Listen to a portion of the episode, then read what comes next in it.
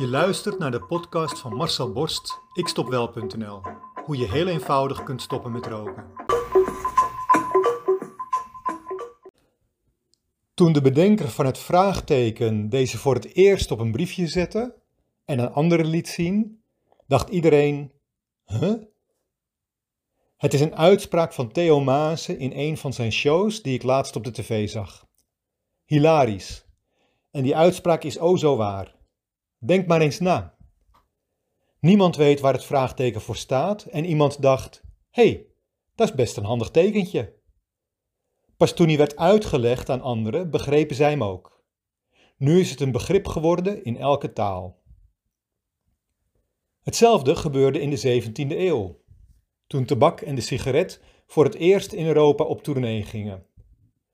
Iedereen die het voor het eerst zag, dacht: Huh? Een paar eeuwen later rookte 70% van Nederland en nu kent de hele wereld de sigaret. Je moet dus uitgelegd krijgen wat het is en hoe het werkt, voordat je begrijpt hoe je iets kunt gebruiken of inzetten. Voordat je roken kunt doen.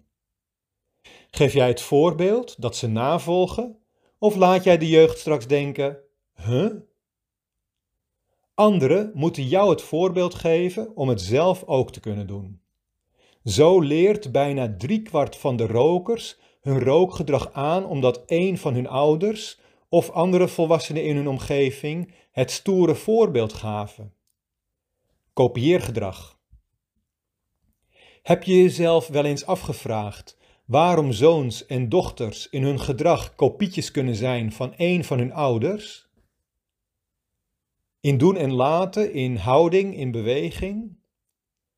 Uit onderzoek naar tweelingen die niet in dezelfde omgeving zijn opgegroeid, is gebleken dat vooral voorbeelden in het leven tot en met het zevende levensjaar bepalend zijn voor het gedrag de rest van het leven.